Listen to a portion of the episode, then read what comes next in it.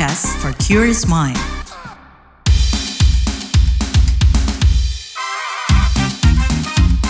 What's Trending KBR Pagi, siaran pagi radio paling update.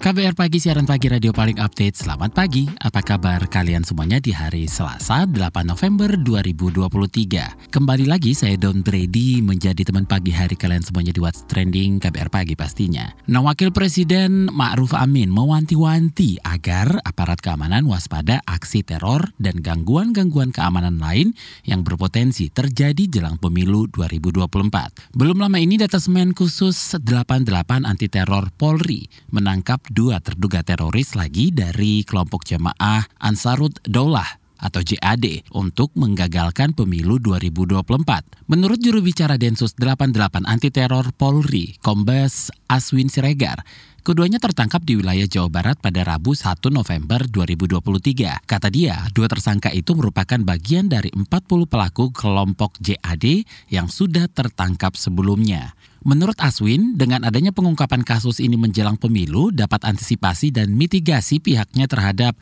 rencana aksi teror dapat terlaksana dengan baik.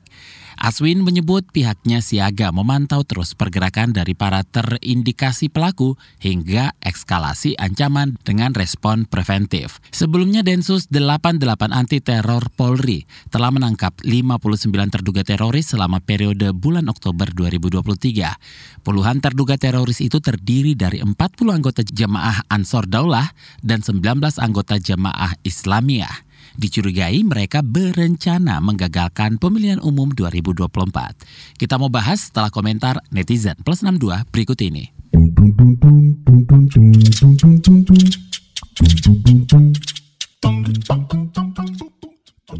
Yang pertama ada cuitan dari @lookxx. Teroris, tanda-tanda pemilu sudah dekat. @dryxx. Apa hubungan teroris dengan pemilu? Kok teroris urusin gagalin pemilu? Selanjutnya ada cuitan dari @uwoxx. Dengan cara apa mereka teroris bisa menggagalkan pemilu? Apakah dengan menyerang situs resmi KPU dan Bawaslu atau langsung menyerang ke lapangan saat pemilu berlangsung? Tak segampang itu masuk situs resmi KPU karena sudah diprotek sedemikian rupa. Di lapangan juga ada pengamanan.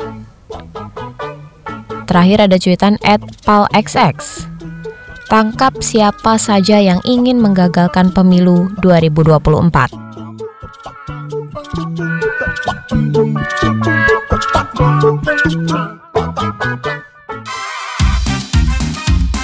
What's Trending KBR Pagi, siaran pagi radio paling update. Kita lanjutkan obrolan kita pagi ini. Jadi selain meminta aparat keamanan mewaspadai aksi teror, Wapres Ma'ruf Amin juga meminta Badan Nasional Penanggulangan Terorisme dan pemangku kepentingan terkait memonitor dan mengawasi media sosial, terutama menjelang pemilu nih. Menurutnya gerakan radikal terorisme berpotensi tumbuh subur menjelang pemilu. Lebih lanjut, ia meminta agar dilakukan pencegahan penyalahgunaan media sosial agar tidak menjadi tempat yang subur bagi narasi narasi-narasi intoleran dan ujaran kebencian. Berikut pernyataan Wapres Ma'ruf Amin dikutip dari kanal YouTube Sekretariat Wakil Presiden Rabu 1 November 2023 yang direspons oleh Kapolri Listio Sigit Prabowo pada kesempatan yang sama. Saya sudah sering meminta supaya pihak keamanan mewaspadai ya semua yang bisa mengganggu jalannya pemilihan umum termasuk teroris atau kelompok-kelompok lain. Dan seperti tadi katakan juga termasuk yang dipetakan ya.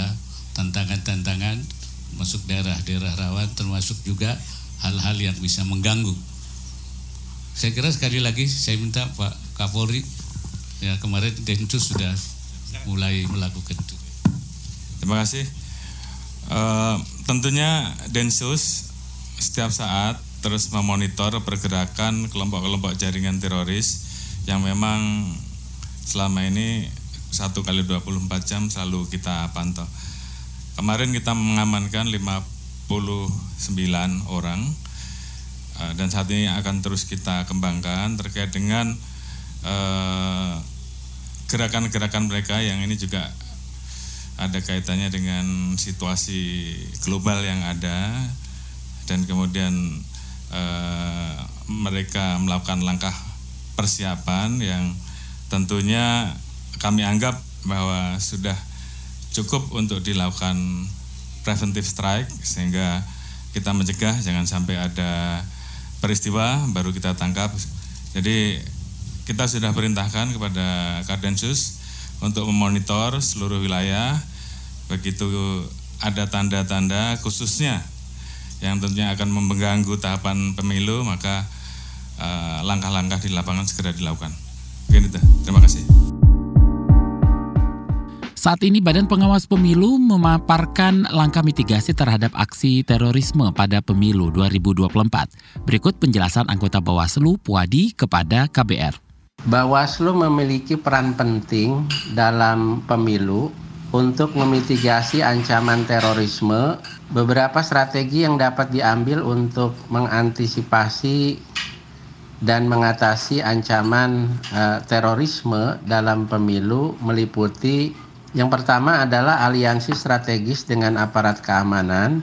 Dalam hal ini, Bawaslu membangun aliansi strategis dan bekerja sama dengan aparat keamanan seperti polisi dan TNI untuk memantau dan merespon potensi ancaman terorisme.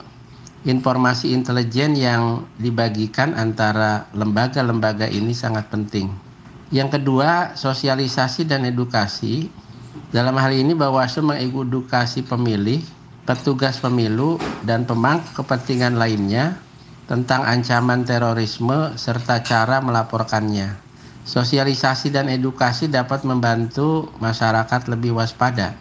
Kemudian yang ketiga, pelatihan pengawas pemilu memberikan pelatihan kepada pengawas pemilu tentang bagaimana mengidentifikasi dan melaporkan aktivitas yang mencurigakan yang mungkin terkait dengan ancaman terorisme. Kemudian yang keempat, sistem pemerintah peringatan dini.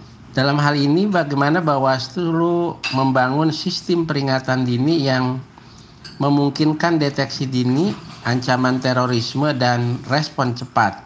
Penting juga untuk diingat bahwa mitigasi terhadap ancaman terorisme dalam pemilu adalah tanggung jawab bersama antara Bawaslu, aparat keamanan, dan pemangku kepentingan lainnya. Nah, langkah-langkah ini harus selalu mematuhi hukum dan hak asasi manusia serta menjaga integritas demokrasi.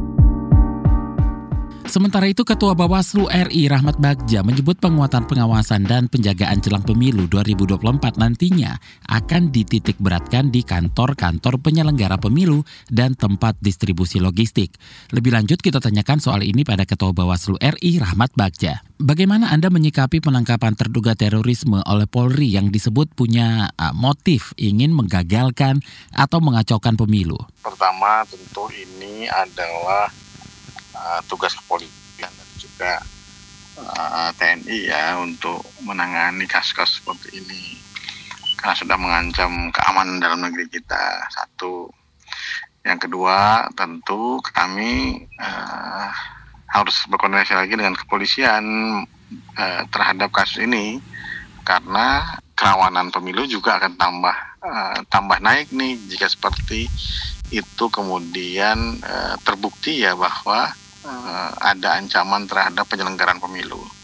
Gitu, Mas. Seberapa besar terorisme ini mengancam penyelenggaraan pemilu 2024? Bagi kami, jangankan ada teroris, tidak ada teroris saja sudah kita khawatirkan ya jika kemudian ada media sosial dan kawan-kawan membuat akar rumput emosional tentu akan jadi masalah gitu ya kita berharap sih tidak ini ya, bisa ditangkal oleh teman-teman kepolisian dan juga TNI. Terkait terorisme ini, siapa dan apa saja yang rawan menjadi sasaran terorisme dan bagaimana penguatannya?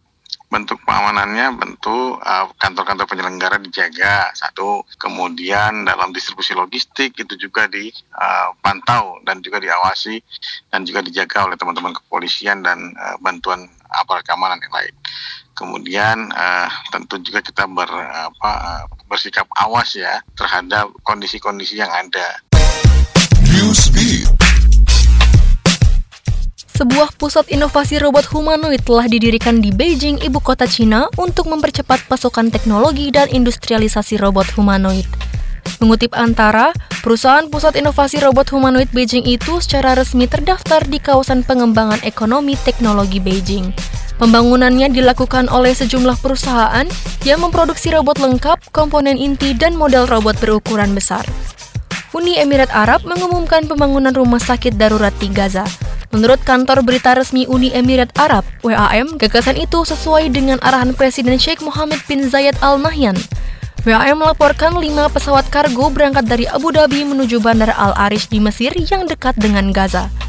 Pesawat-pesawat itu mengangkut peralatan dan pasokan medis penting untuk rumah sakit. WAM menjelaskan bahwa rumah sakit darurat tersebut memiliki kapasitas 150 tempat tidur dan dilengkapi dengan unit khusus seperti unit operasi, ortopedi, pediatri, ginekologi, dan layanan medis penting lainnya. Pembukaan Piala Dunia 17 Indonesia diklaim Ketua Umum PSSI Erick Thohir bakal menjadi yang terbaik sepanjang sejarah. Adapun Stadion Gelora Bung Tomo Surabaya Jawa Timur akan menjadi lokasi pembukaan Piala Dunia U17 10 November mendatang. Erik mengeklaim persiapan Piala Dunia U17 sudah 100%. Ia bahkan menyebut FIFA memuji persiapan yang dilakukan Indonesia. Piala Dunia U17 akan berlangsung di Indonesia pada 10 November hingga 2 Desember 2023. Pertandingan akan digelar di empat kota yaitu Jakarta, Solo, Bandung, dan Surabaya.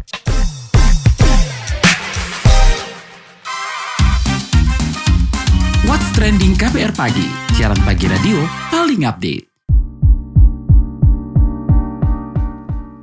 Kita lagi ngobrolin mitigasi terorisme pada pemilu 2024. Nah, juru bicara Densus 88 Anti Teror Polri Aswin Siregar dalam keterangan pers di Instagram Divisi Humas Polri Jumat 3 November 2023 menjelaskan terkait penangkapan terduga teroris awal bulan ini. Berikut kutipan pernyataannya.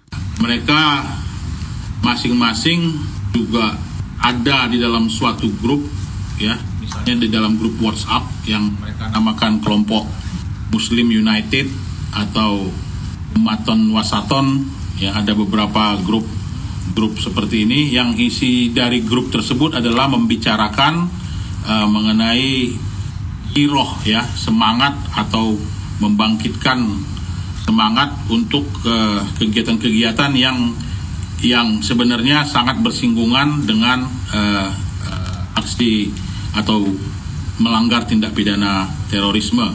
Seperti uh, share to share atau saling membagi materi-materi yang berasal dari kelompok ISIS ya.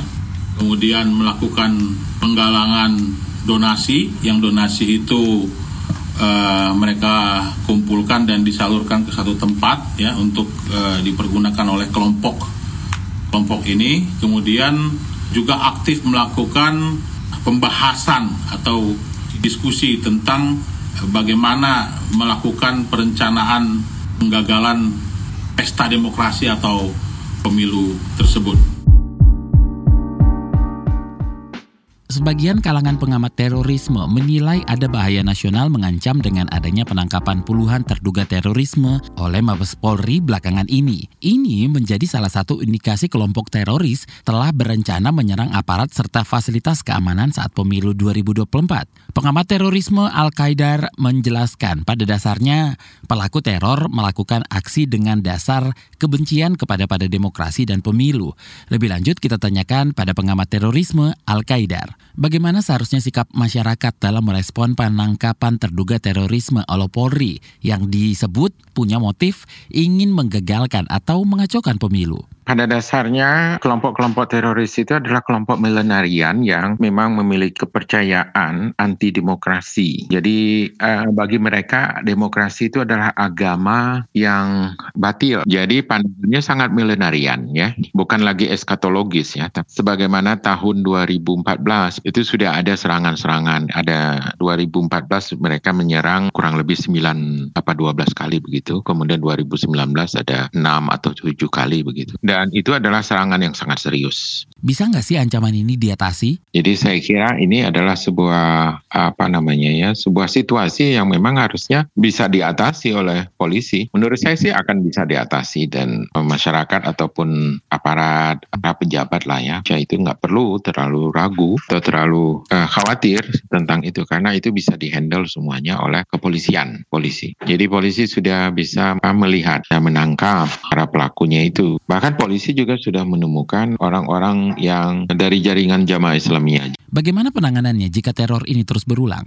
Ya sulit sekali, harus ditangkap semuanya. Itu akan bersaing-saingan, berlomba-lomba dengan rekrutmen mereka. Setiap mereka merekrut itu mereka selalu uh, mengemukakan bahwa untuk masuk ke dalam kelompok mereka itu uh, harus sudah kecewa dengan demokrasi. Begitu masuk, mereka akan hadapkan pada plot atau rencana-rencana untuk menyerang demokrasi itu. Apakah itu kantornya, apakah itu eventnya, apakah itu jadwalnya, apakah itu pelaksanaan kampanyenya, pemilihan umumnya, dan sebagainya. Ya, selama demokrasi ada, kaum yang anti demokrasi itu akan selalu ada juga. Hal yang wajar ya, yang harusnya bisa diatasi oleh oleh pemerintah lewat jalur pendidikan di awalnya ya mm-hmm. untuk menerangkan apa itu demokrasi.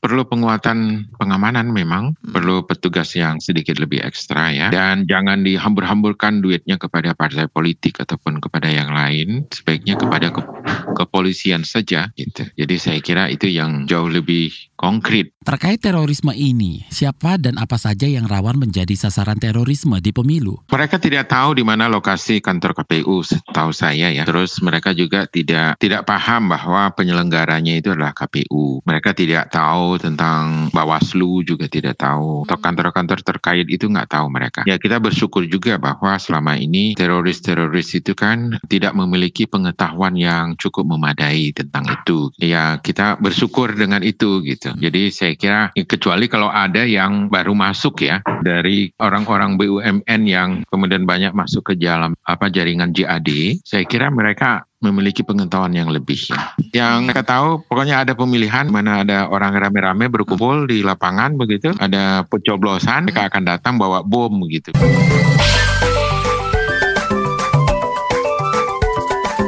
WhatsApp Indonesia. WhatsApp Indonesia dimulai dari Semarang, Jawa Tengah. Pemerintah Kota Semarang memperketat aturan pengamanan dalam pembangunan jembatan kaca Tinjomoyo sesuai dengan kesehatan dan keselamatan kerja atau K3. Kepala Bidang Industri di Park Kota Semarang, Yuda Bakti mengungkapkan pengetatan aturan tersebut untuk meminimalisir terjadinya kecelakaan pada wisatawan agar peristiwa di jembatan kaca The Grong Banyumas tak terulang kembali. Yuda mengaku sangat berhati-hati dalam mengkaji dan melakukan penyusunan K3 pada jembatan kaca Tinjomoyo. Lanjut Yuda, standar K3 yang diterapkan pada jembatan Tinjomoyo yakni dilengkapi pengamanan seperti jaring, hingga tali pengamanan serta ketebalan kaca pada jembatan mencapai 4 cm. Selanjutnya menuju Jakarta, Kementerian Keuangan memberikan insentif fiskal sebesar 340 miliar rupiah untuk 34 daerah kinerja baik dalam pengendalian inflasi. Menteri Keuangan Sri Mulyani menekankan daerah agar memanfaatkan uang yang dialokasikan itu untuk memperbaiki kinerja Pemda. Sri Mulyani memaparkan dari 34 daerah itu dirinci untuk tiga provinsi, enam kota, dan 25 kabupaten. Insentif fiskal ini merupakan pemberian periode ketiga sebelum periode 1 dan 2 sebesar 330 miliar rupiah dengan total alokasi 1 triliun rupiah. Sri Mulyani mengatakan, pemberian insentif berdasarkan pada penilaian kinerja tahun berjalan kategori pengendalian inflasi. Kata dia, penilaian kinerja pengendalian inflasi didasarkan pada kinerja upaya pengendalian, dukungan APBD, dan perkembangan harga. Masih soal inflasi, Presiden Joko Widodo disebut tak segan mengganti kepala daerah yang gagal dalam upaya menekan pergerakan angka inflasi. Ancaman itu disampaikan kembali oleh Menteri Dalam Negeri Mendagri Tito Karnavian saat memimpin rapat koordinasi pengendalian inflasi tahun 2023 dan penyerahan insentif fiskal hari ini. Tito pun meminta pemerintah daerah agar tidak tergantung pada pusat. Ia meminta daerah juga mengoptimalkan pemanfaatan APBD untuk memperkuat dukungan terhadap daya beli masyarakat. Badan Pusat Statistik BPS mencatat secara bulanan 69 daerah mengalami inflasi. Demikian WhatsApp Indonesia hari ini.